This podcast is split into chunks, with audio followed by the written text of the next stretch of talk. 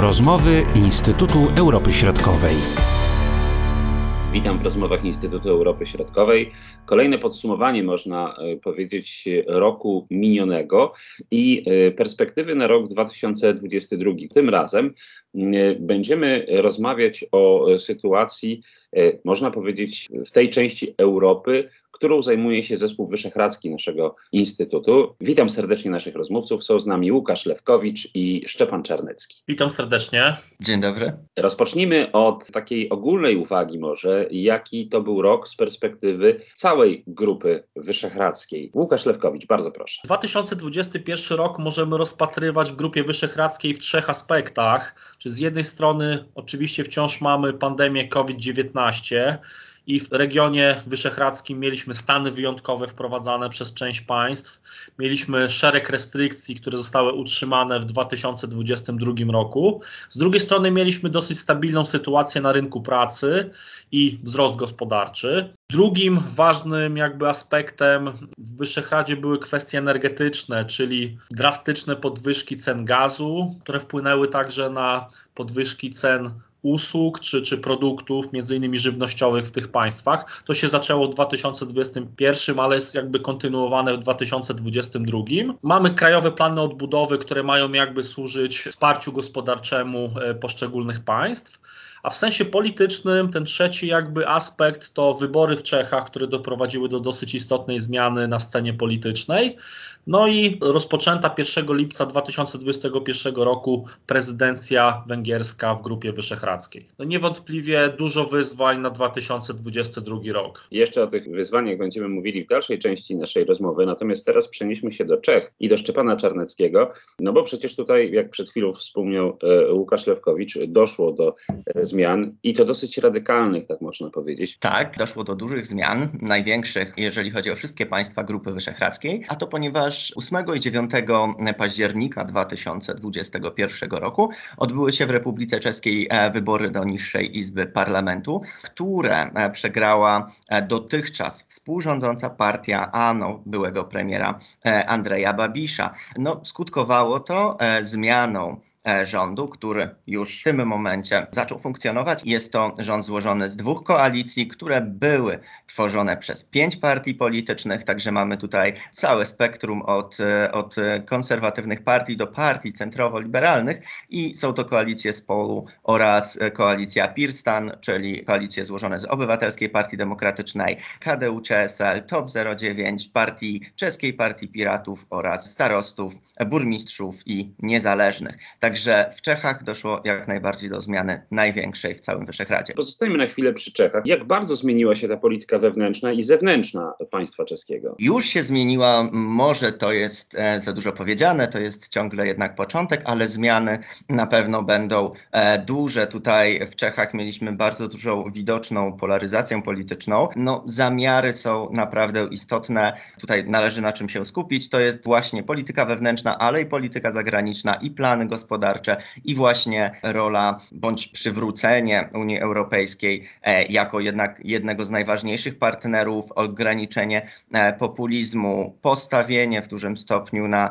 zielony ład i szukanie rozwoju właśnie w kategoriach ekologicznych, odejście od węgla. Także to tak krótce, może do tych zmian jeszcze dojdziemy e, za chwilę, pokazuje, jakie są zamiary nowego rządu. A jeśli chodzi o Słowację, Łukasz Lewkowicz. Tutaj y, też było dosyć burzliwie y, z tego, co pamiętamy. No może nie aż tak radykalnie jak w Czechach. Tak, oczywiście ta sytuacja y, polityczna Słowacji, ona była w dużym stopniu też uzależniona od sytuacji właśnie pandemicznej. To miało duży wpływ na pewne decyzje polityczne, bo w 2021 roku nie mieliśmy wyborów na Słowacji. Wybory były rok wcześniej. Natomiast y, mieliśmy dosyć y, istotne zmiany na scenie politycznej. Pamiętajmy, że Słowacja wchodziła w 2021 rok y, w grupie państw o najgorszych wskaźnikach epidemicznych na świecie. Sytuacja była bardzo zła, duża liczba zakażeń, duża liczba osób hospitalizowanych. No z, z, drugiej strony pamiętajmy, że wtedy jakby w Unii Europejskiej dopiero szczepionki wchodziły, tak?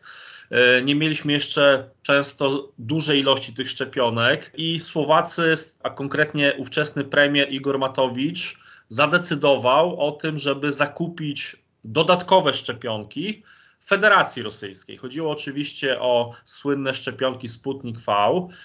On zapowiedział zakup dwóch milionów sztuk. To miał być jakby remedium na, na tą pogarszającą się sytuację epidemiczną, jednocześnie problemy z dostawami szczepionek z Unii Europejskiej. Na początku marca te ta pierwsza jakby partia rosyjskiej szczepionki przyleciała wojskowym samolotem na Słowację.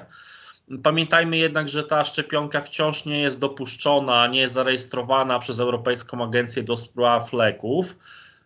Matowicz to zrobił, y, podjął decyzję o zakupie, natomiast doprowadziło to do bardzo dużego kryzysu y, politycznego, ponieważ koalicjanci z rządu koalicyjnego Republiki Słowackiej nie zostali poinformowani e, o tym fakcie. Kryzys trwał kilka tygodni i ostatecznie doszło do zmiany na stanowisku premiera. Matowicz podał się do dymisji. Nowym premierem został dotychczasowy wicepremier, minister finansów Edward Heger.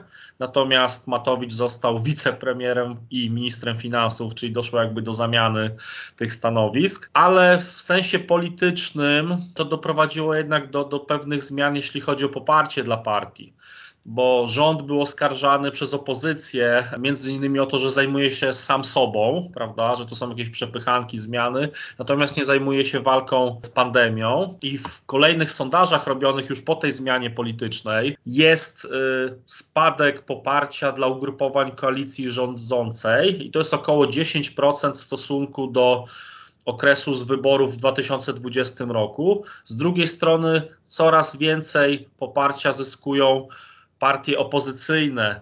Między innymi liderem poparcia jest partia Chlas, Socjalna Demokracja, byłego premiera Petera Pellegriniego, ale całkiem duże poparcie ma również partia Smer, Socjalna Demokracja Roberta Fico.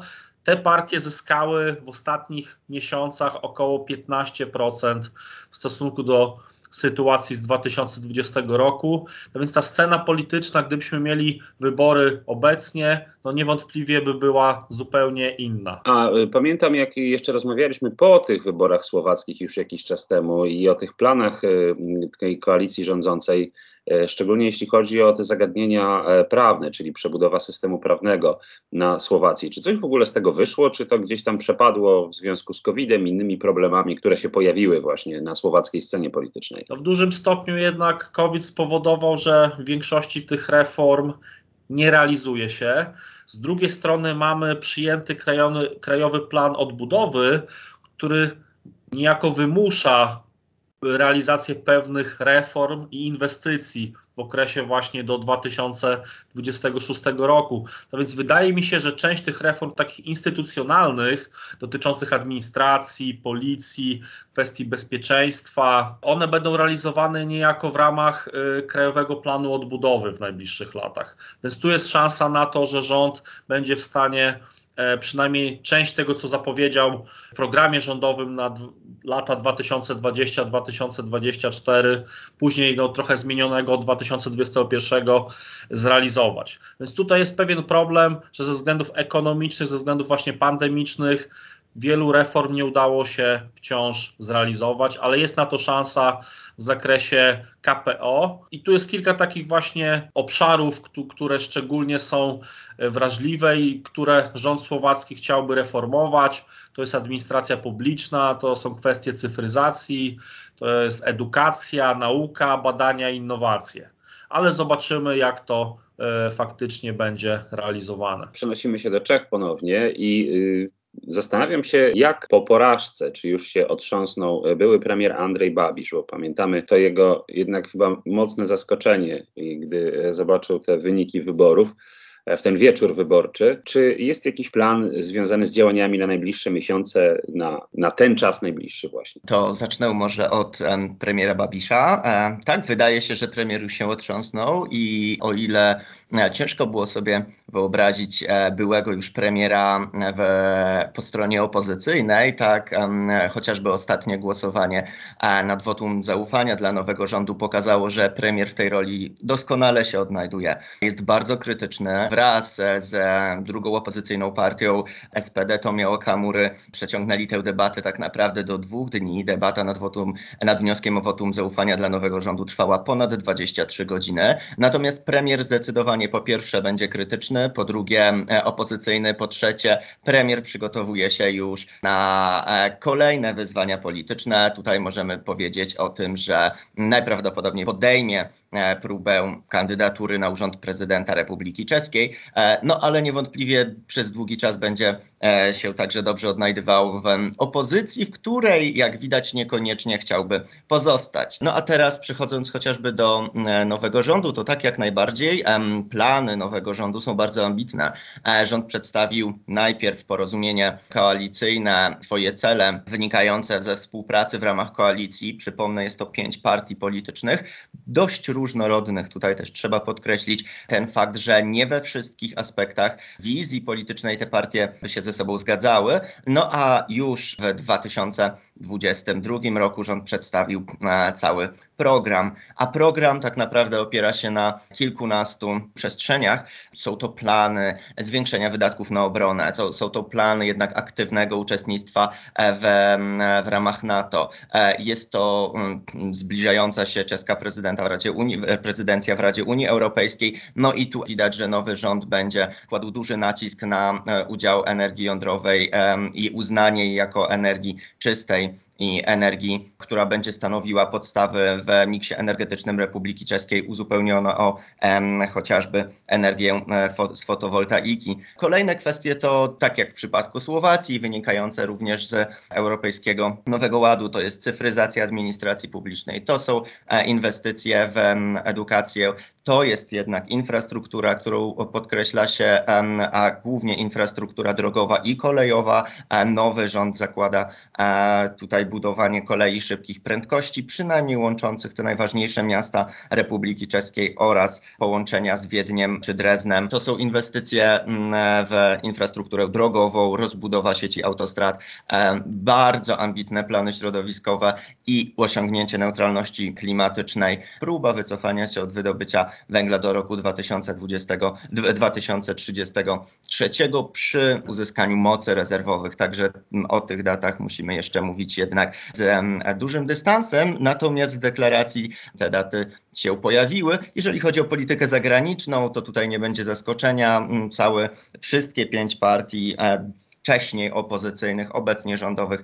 mówi o rewizji stosunków z Chinami oraz Rosją, aczkolwiek w przypadku wielu zagadek, takich jak wybór Jana Lipawskiego na ministra spraw zagranicznych i jego osobistego stosunku do mm, chociażby Izraela czy Grupy Wyszehradzkiej, w programie znajdują się odniesienia do utrzymania strategicznej relacji z Izraelem, a także współpracy w ramach, dalszej współpracy w ramach e, Grupy Wyszehradzkiej. E, co nie powinno dziwić, to pewne kierunki polityki zagranicznej Republiki Czeskiej, które były właśnie przyjmowane wcześniej, a z tego, co możemy zakładać, że będzie się rozwijać, to choćby współpraca w ramach inicjatywy Trójmorza, skupienie się na państwach e, Sahelu, no utrzymanie tej polityki z Izraelem właśnie też w ramach, w dziedzinie innowacji czy badań. Tutaj mnie zastanowiła ta kwestia, y, o której y, powiedziałeś, czyli rewizja stosunków z Rosją i Chinami. Może szczególnie jeśli chodzi o Rosję, tutaj y, jak zapaliła mi się lampka ostrzegawcza. O co chodzi?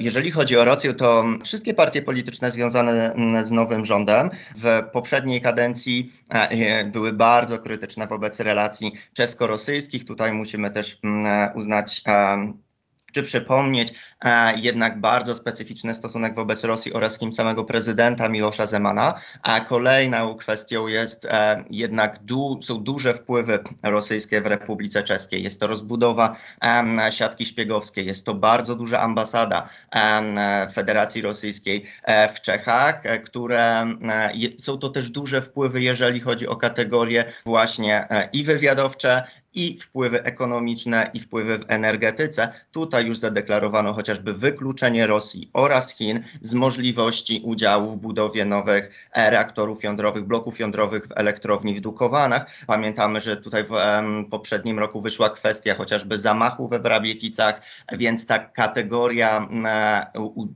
relacji czesko-rosyjskich przejawia się w polityce czeskiej bardzo długo. Nowa władza deklaruje wprost, jest to odsuwanie się od Rosji, e, jest to e, utrzymanie tych relacji na poziomie pragmatycznym, natomiast zmniejszenie tego udziału e, i wpływów rosyjskich w Republice Czeskiej. Hmm, a teraz powinniśmy jeszcze parę słów powiedzieć o e, Węgrzech. Specjalistą w tym temacie jest Dominik Hej, którego nie ma z nami, no ale postarajmy się zagospodarować także to pole. Łukasz Lewkowicz, bardzo proszę. No, ja bym chciał tutaj przede wszystkim wspomnieć o trwającym już od pół roku przewodnictwie Węgier w Grupie Wyszehradzkiej, bo wydaje mi się, że to jest dosyć istotny jakby element tej, tej polityki zagranicznej czy polityki regionalnej Węgier w tym momencie. E, ta prezydencja, która została nazwana Recharging Europe, czyli Odnówmy Europy, bo to jest hasło e, obecnej prezydencji trwającej od, od 1 lipca 2021 roku, ona się opiera na trzech filarach. E, pierwszym filarem jest stabilność, czyli koordynacja wspólnych stanowisk państw Grupy Wyszehradzkiej wewnątrz Unii Europejskiej. Chodzi tutaj właśnie przede wszystkim o ustalanie pewnych rzeczy czy konsultacje przed szczytami e, Rady Europejskiej. I do takich najważniejszych elementów e, tego filara na, zaliczamy debatę o przyszłości Europy, kwestie budżetu e, unijnego, kwestie właśnie funduszu odbudowy, funduszu spójności, pracę nad polityką migracyjną Unii Europejskiej, czy, czy ewentualną jakąś, jakimiś zmianami dotyczącymi systemu Schengen. Tutaj także wspomina się o kwestii bezpieczeństwa i kolejnym dyżurze Wyszehradzkiej Grupy Bojowej, który ma być realizowany w 2023 roku. Drugim filarem tej prezydencji jest otwarcie w obszarze ekonomicznym i społecznym. Chodzi tutaj, żeby pobudzić Europę, czy też to część Europy Środkowej, gdzie mamy Grupę Wyszehradzką, do działania po spowolnieniu wywołanym przez pandemię COVID-19. I tutaj przede wszystkim chodzi o kwestie dotyczące przeciwdziałania oszustwom podatkowym, budowanie atrakcyjności inwestycyjnej regionu, także kwestie dotyczące podejścia państw Grupy Wyszehradzkiej do strategii Fit for 55, co jest bardzo istotne, prawda, w, tym momencie. Pamiętajmy o tym, że Grupa Wyszehradzka stoi na wspólnym stanowisku uznania energetyki atomowej za nieemisyjne źródło energii.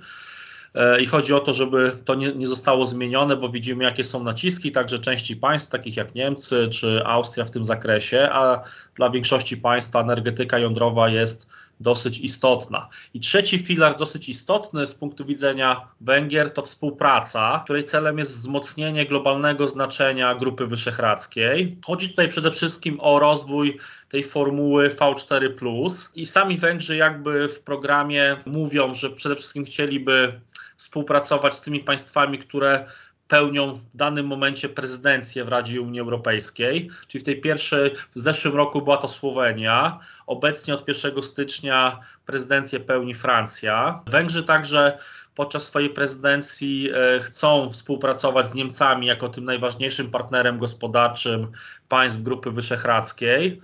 Zapisano również współpracę z Wielką Brytanią, ale także kontynuowany ma być dialog z państwami Bałkanów Zachodnich czy Partnerstwa Wschodniego. Na uwagę zasługuje właśnie takie skoncentrowanie swojej tej współpracy w ramach V4 z państwami pozaeuropejskimi, taki, takimi na pozór egzotycznymi, ponieważ zapowiedziano szereg spotkań innymi w formule V4 z Marokiem, z państwami Azji Centralnej, z Koreą, Japonią czy Izraelem. Węgry chcą także kontynuować dialog z innymi globalnymi partnerami, innymi z Turcją, Chinami, Jordanią, Libanem i Brazylią. Więc widać, że Węgry jakby dosyć ambitnie podchodzą do, do budowania tej marki wyszehradzkiej na świecie i wychodzą poza Unię Europejską. Ale na jakąś ocenę tego, jak ta prezydencja wyglądała, pewnie będziemy musieli się jeszcze spotkać powiedzmy w lipcu, ponieważ ta prezydencja jest teraz na półmetku. Ona będzie trwała do końca czerwca 2022 roku. I postarajmy się jeszcze o takie e, krótkie wyznaczenie tych najważniejszych e, działań tych państwach, którymi się zajmujecie w Czechach i e, na Słowacji na te najbliższe miesiące właśnie. Jeszcze pan Czarnecki, bardzo proszę, jakbyś mógł spróbować powiedzieć parę słów o przyszłości samego prezydenta Milosza Zemana, bo pamiętamy, że miał bardzo duże już od dłuższego czasu kłopoty zdrowotne i jak te właśnie kłopoty zdrowotne mogą wpływać na jego dalszą działalność jako głowy państwa czeskiego. To jeżeli chodzi o działalność rządu na najbliższe miesiące, to jednak pandemia COVID niewątpliwie, a to z tego względu, że po pierwsze jesteśmy w środku kolejnej fali. Mm, Ilość zachorowań e, jest ciągle na wysokim poziomie i zmiana władzy w takim okresie nie jest, e, e, nie jest e, rzeczą najłatwiejszą. Nowy rząd e, poniekąd e, musiał przejąć od poprzedniej władzy rozwiązania i je wdrażać i implementować e, na bieżąco. Także e, to jest pierwsza podstawowa kategoria, która e, będzie w Czechach funkcjonowała. Kolejną jest to przygotowanie do objęcia właśnie swojej prezydencji w Radzie Unii Europejskiej. E, To jest prowadzenie e, polityki w tym kierunku i tutaj myślę, że e, będzie bardzo dużo się mówiło właśnie o, o energetyce, o energetyce jądrowej, o czym wspominał już Łukasz. To są na pewno będą też liczne konsultacje ze stroną francuską. A jeżeli chodzi o przyszłość samego prezydenta Zemana, e, no to ta przyszłość, tak, e, prezydent Zeman tak naprawdę pozostał mu w tym momencie rok.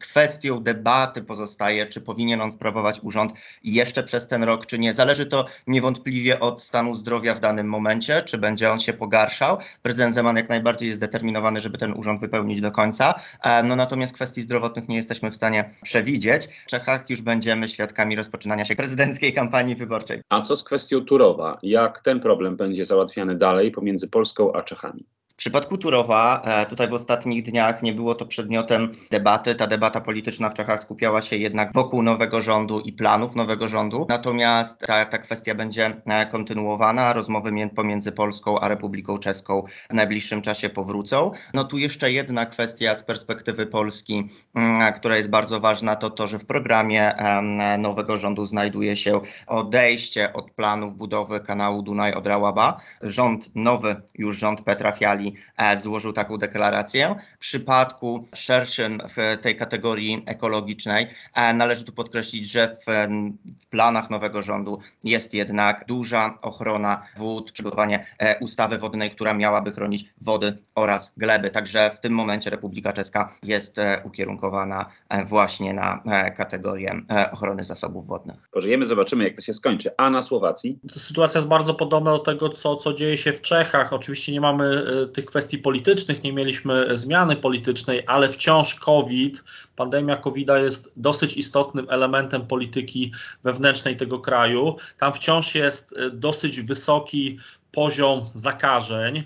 To jest około 2,5-3 tysiące zakażeń dziennie, co jak na kraj o takim potencjale to jest dosyć wysoka liczba. Również poziom zaszczepienia na Słowacji nie jest zadowalający, bo tam jest około w pełni zaszczepionych około 2 miliony 600 tysięcy y, osób, y, co pokazuje, że jest to około połowę mieszkańców y, Republiki Słowackiej. Te ruchy antyszczepionkowe, które są często wspierane przez polityków zarówno lewicy, jak i skrajnej prawicy, są dosyć silne na Słowacji, co powoduje, że ta polityka rządu względem właśnie zaszczepiania e, jest w dużym stopniu utrudniona. No z drugiej strony będziemy mieli kwestię wdrażania Krajowego Planu Odbudowy, e, o czym wspominałem wcześniej, czyli te możliwe e, reformy szeroko rozumiane administracyjne, dotyczące też transformacji energetycznej będą realizowane.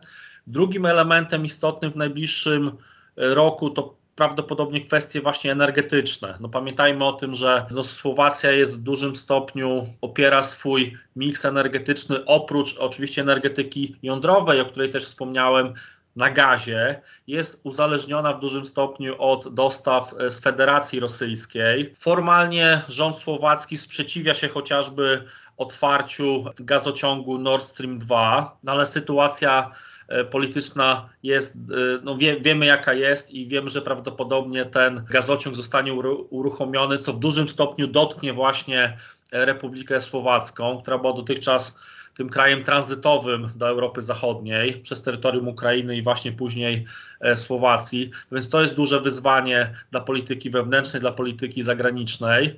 No, rząd oczywiście będzie musiał też podejmować różne działania, które no, zmniejszą e, powiedzmy te ceny e, gazu czy energii elektrycznej dla odbiorców indywidualnych, ale także dla przedsiębiorstw. Tak więc sytuacja jest e, dosyć poważna, bo, bo te wzrosty cen w 2022 były, są już e, dosyć istotne. W sensie polityki zagranicznej takim e, ważnym wydarzeniem w ostatnich dniach było podpisanie czy przyjęcie przez rząd umowy obronnej pomiędzy Słowacją a Stanami Zjednoczonymi.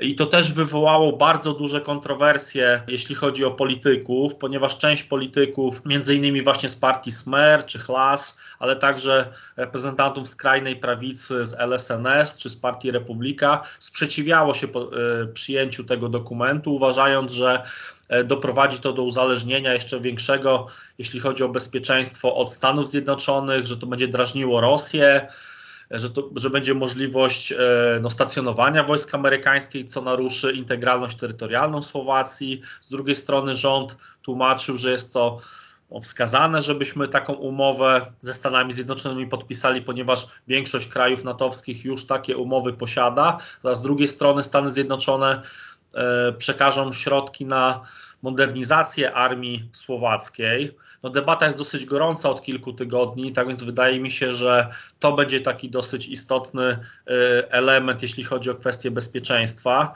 A wychodząc ze Słowacji, to wydaje mi się, że też wybory na Węgrzech, które odbędą się na początku kwietnia, one też mogą być dosyć istotne dla państw Grupy Wyszehradzkiej i całego regionu, bo pamiętajmy, że z jednej strony Viktor Orban będzie starał się o kolejną kadencję, z drugiej strony mamy zjednoczoną opozycję, która no też będzie próbowała wygrać te wybory. Tak więc tak naprawdę nie wiemy, co w kwietniu tego roku y, się wydarzy. No i pamiętajmy o tym, co, o czym wspominał y, Szczepan w swojej wypowiedzi, że Republika Czeska przejmie prezydencję w Unii Europejskiej wakacje, tak więc to też będzie dosyć istotne e, dla całego regionu, jak ta polityka europejska będzie prowadzona. Będziemy mieli swoje państwo, tak mówiąc kolokwialnie, które będzie tą politykę koordynowało. No więc mamy tutaj kilka takich wydarzeń, które niewątpliwie wpłyną na, na losy e, całego regionu.